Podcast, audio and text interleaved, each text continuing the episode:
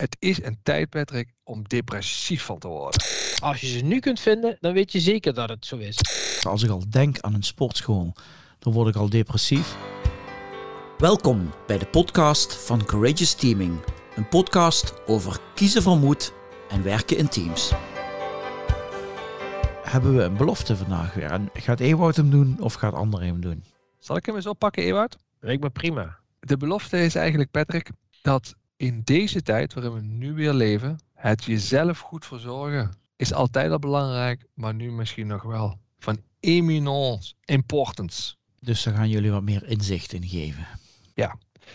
Kijk, het is een tijd, Patrick, om depressief van te worden. Wij hadden de hele maand weer prachtig volgepland met fantastische uitvoeringen, et cetera, et cetera. En door de hele gebeuren met corona en de maatregelen gebeurde weer precies hetzelfde als uh, anderhalf jaar geleden.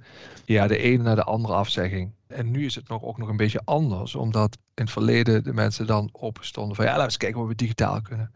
Maar ja, daar zijn we ook allemaal klaar mee met z'n allen. En vervolgens mag je alles twee keer gaan doen. Want dingen waren klaar, waren georganiseerd, stonden de stijgers, programma's met teams waren klaar. Kun je allemaal de prullenbak in donderen op het laatste moment.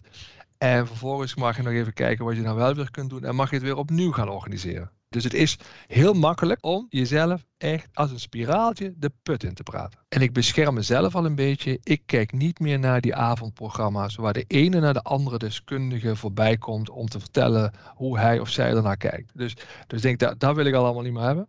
Maar kortom, en dat horen we ook heel veel van onze klanten, het is ontzettend vermoeiend. En voordat je het weet, uh, raakt je batterijtje leeg. En dan, uh, ja, dan ben je nog veel verder van huis. En toen was daar Ewoud. Ik merk nog één echt ander aspect ten opzichte van de vorige lockdowns en nu. En dat heeft vooral met die groep van die kinderen te maken. Dus we hebben eigenlijk altijd gezegd van nou die worden het minst geraakt of zijn het minst besmettelijk. Nu blijkt dat wat anders. En wat ik opvallend vind is dat in die eerste lockdowns eigenlijk nauwelijks sprake was van besmettingen bij onszelf, maar ook niet in onze klantenkring. En nu zie je dat ook toenemen, waardoor precies wat anderen zet, dan hebben we alles alsnog opnieuw ingepland en digitaal neergezet en uh, voorbereid. En vervolgens kan het dan nog niet doorgaan, omdat bijvoorbeeld drie mensen van een groep opeens in thuisquarantaine zitten, op hun kinderen moeten oppassen, uh, zelf ziek zijn. Dus dan wordt het alsnog verplaatst. Dus je komt in zo'n soort spiraal terecht van je wil het heel erg graag, het lukt niet, je plant het in, dat gaat weer niet door. Nou, en dus een heleboel energie kost het. En uiteindelijk denk je, maar wat heeft het nou eigenlijk opgeleverd? Ja. Niet zoveel. Precies wat andere zei alle ingrediënten aanwezig om jezelf mooi het putje in te praten. En Evert, je zei nog iets moois, uh, toen, we, toen we het heel even tevoren over hadden. Dat je zei, weet je, volgens mij wordt er geen mens gelukkig als hij een dag achter zijn pc heeft gezeten. Dus dat is ook wat er gebeurt. Hè? Op het moment dat je niet meer naar de klant toe gaat, naar een fysieke afspraak, iemand ontmoeten, de reis naartoe, gaat die tijd zich vullen met allerlei dingen achter je PC. En dat geeft een heel ander gevoel als je naar huis toe gaat. Of als je hem dichtklapt ergens in de avond. Van hoeveel satisfactie heb ik hier nou aan beleefd? Ja. Dan is het wel zo dat ik denk dat er heel veel mensen ook op hun werk de hele dag achter hun PC zitten. En dan maakt het natuurlijk niet meer zo heel erg veel uit of je thuis achter je PC zit of op je werk. Maar misschien is dit wel een reden om die PC eens wat vaker uit te zetten, wat meer te gaan co-creëren met je team. Dus Patrick, eigenlijk raak je daar misschien wel de kern. Ik ben hier ook een slecht voorbeeld van, want ik kan mezelf dan ook redelijk het putje even inpraten en denk, ik sluit de hele tijd mezelf, sluit ik gewoon op tot eind januari, februari en ik hoop dat het dan weer beter is en dan uh, ga ik met frisse energie weer aan de slag. Maar eigenlijk is dat natuurlijk een beetje het ontlopen van de realiteit. Terwijl het moment wat jij nu zegt is eigenlijk de vraag, goh, we zitten in lastige omstandigheden, hoe ga ik me daar nou toe verhouden? Misschien wel zelfs de vraag stellen ja, wat kan ik hier nu uit gaan leren? Hoe ga ik hier nou mee om? En dan kom je misschien wel bij het punt uit wat jij net zei, dat is, hey, als er een tijd is die je duidelijk kan maken hoe jij jezelf kunt verzorgen en hoe je dingen kunt doen die jou echt energie geven en waar je enthousiast en vrolijk van wordt, dan is het nu wel. Als je ze nu kunt vinden, dan weet je zeker dat het zo is. Als je nu, het klinkt raar, ergens de tijd voor hebt, dan is het om op dat gebied met nieuwe dingen te experimenteren.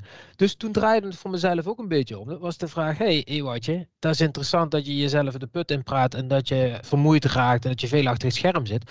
Ja, je kunt je daar gewoon laten meenemen. Je kunt nu ook denken over de vraag, hoe ga ik hier nou mee om om mezelf wel goed te verzorgen? Dus de urgentie is bij wijze van spreken nog nooit zo groot geweest om jezelf goed te verzorgen. En tegelijkertijd denk ik dat heel veel mensen het ontzettend moeilijk vinden, omdat ze denken, ik heb nog zoveel te doen, maar de urgentie is snoei, snoei groot. En zullen we dan eens naar die anekdote stappen, wat ons als voorbeeld een beetje verlichting heeft gebracht? Misschien moet jij dat eens gaan vertellen. ik vind natuurlijk sporten fijn. En nou, ik had toen die marathon gelopen met vrienden.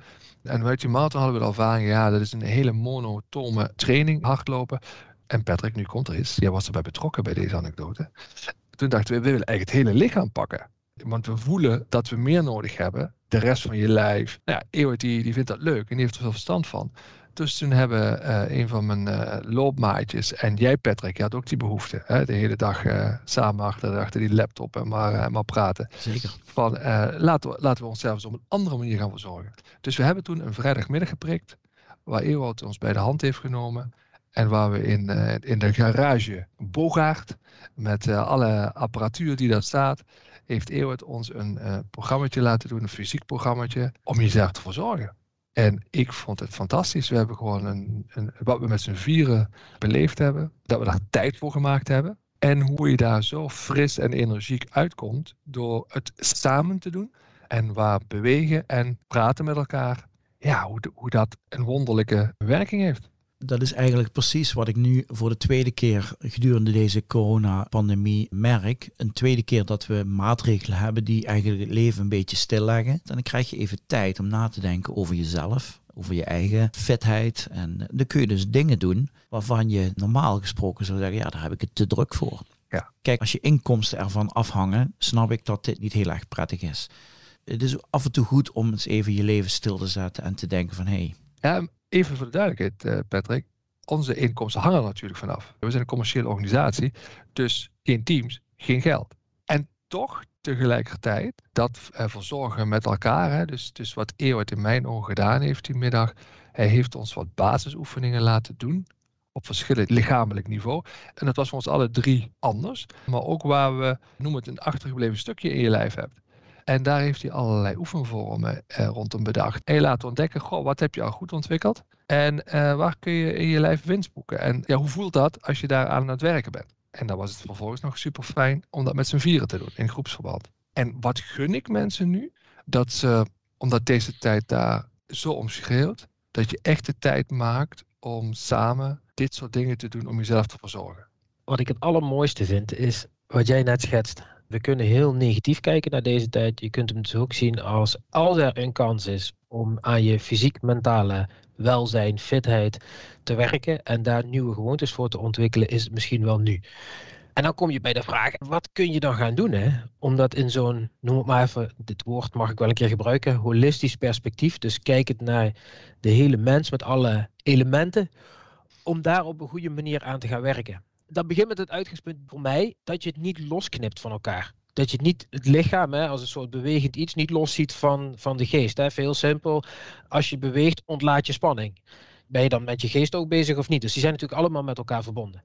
En wat ik zo mooi vind, is dat je in zo'n programma, als je zoiets ervaart met elkaar, het eigenlijk niet hebt over we gaan een marathon lopen in die tijd of we gaan die topprestatie leveren, maar dat je zoekt naar wat is goed voor mij om om te gaan met die omstandigheden en me daarbinnen toch gewoon energiek en fit te voelen. En dat heeft natuurlijk ook automatisch weer een effect op je gemoedstoestand en op je lichaam, want daarmee wordt het ook rustiger. Wat helpt voor mij om om te gaan met de moeilijke gevoelens, emoties die deze situaties met zich meebrengen? Hoe kan ik toch trouw blijven en dat doen waar ik goed in ben en trouw blijven en wat ik belangrijk vind in deze omstandigheden? Nou, dat zijn allemaal vragen die horen bij het jezelf verzorgen. En, en, en waar je in deze tijd prachtig nieuwe gewoontes voor kunt gaan ontwikkelen. Ik geloof wel dat het ergens begint met fysiek in beweging komen. Omdat het moment dat je fysiek in beweging komt, is je aandacht bij je lijf. Zeker als het oefeningen zijn die je aandacht echt vergen. En wat je dan ziet eigenlijk is dat, dat hoopte ik dat jullie dat zouden voelen. Dat je misschien binnenkomt een beetje met een soort koud, kil gevoel. Wat die omstandigheden met je meebrengen. En dat je naar buiten loopt en dat je toch ergens gewoon weer uh, licht, lucht, ruimte ervaart. Juist doordat je eigenlijk een beetje met elkaar geoefend hebt. Peter, zou ik kunnen zeggen, waarom jongens raakt jullie dit zo? En ik moest even denken aan een andere collega, Peter, ook coach. En die heeft tijdens de start van de pandemie, anderhalf jaar geleden, heeft hij aangeboden bij organisaties om vooral gesprekken te gaan voeren met mensen. Om op die manier een bijdrage te leveren. En ik denk dat wij op deze manier een bijdrage willen leveren. Tegen de spanningen, tegen de uitdagingen die deze tijd met zich meebrengen. Dat zit, daar zit dus voor ons ook een, ja, noem het, uh, een maatschappelijk drijfveer achter. Om mensen dat te laten ervaren, dat ze daar elkaar kunnen helpen. Ja, Nou ja, ik heb natuurlijk hetzelfde ervaren, maar waar ik vooral van onder de indruk was, is de energie die ik ervan krijg. Kijk, normaal gesproken, als ik al denk aan een sportschool, dan word ik al depressief. Als ik ga hardlopen, dan denk ik na 2,5 minuut, waar ben ik in godsnaam mee bezig? En dit gaf energie met redelijk weinig middelen en uh, hartstikke veel impact. Je kunt het bij wijze van spreken thuis doen. Dat gaf dus wel energie. En dat is dus wel het verschil met het heel groots aanpakken. Ja, dan weet ik zeker dat Ewout daar iets over wil zeggen. Want mensen denken inderdaad, Ewout, aan sportscholen. Maar sommige mensen die zeggen, ja, ik heb niks met bewegen. Dat is er ook, hè? Het kan niet dat iemand niks met beweging heeft, want dan zou die doodgaan. Ieder mens beweegt altijd. Je staat letterlijk nooit stil. Als je staat, zelfs, is je lichaam zich continu aan het corrigeren om in balans te blijven. En dat geldt natuurlijk ook als jij in je werk staat nu, in deze omstandigheden, dan ben je ook continu bezig om jezelf weer in balans te houden, in plaats van omver te laten duwen. Dus wij zijn op al die elementen continu in beweging. En ik denk dat ik mensen dat zou gunnen, dat ze dat ervaren en dat ze dan zoeken naar methodes, naar manieren die voor hun helpen, die hun energie geven om, nou ja, dat te doen wat hun lichaam, hun geest, hun gemoedstoestand op dat moment nodig heeft om weer even in balans te blijven. Dus ik weet niet of ik Patrick, mag ik jou als voorbeeld gebruiken? Zeker. Dus bij Patrick zag je in zijn training dat zijn motoriek ongelooflijk goed ontwikkeld is. Het gemak waarmee die complexe oefeningetjes eigen maakte en vervolgens in de praktijk bracht, dat ging super soepel. En vervolgens denk ik, oké, dat zou een prachtige invalshoek zijn, waarin je vervolgens kunt gaan kiezen in hoeverre je de intensiteit en de belasting en zo wil gaan verhogen, om daarop te gaan werken. En hoe kun je vanuit die kwaliteit nou verder bouwen, ook aan de rest van het menselijk lichaam en alle elementen die daarbij zitten. Weet je, dat is misschien eigenlijk wat mij betreft tot slot het handvat dat we willen bieden. Wij vinden het gewoon hartstikke leuk. We zijn natuurlijk mentaal bezig met samenwerking en moed. Maar daar zit ook die fysieke component aan en willen die graag bij elkaar brengen. En de vraag die we hiermee indirect eigenlijk dus ook stellen aan leiders en managers binnen teams, is bespreek eens in je team hoe goed iedereen zich persoonlijk nu verzorgt in deze moeilijke coronatijden. Ja. Ga voor meer informatie over Courageous Teaming en het werk van Ewout en André naar www.courageousteaming.com.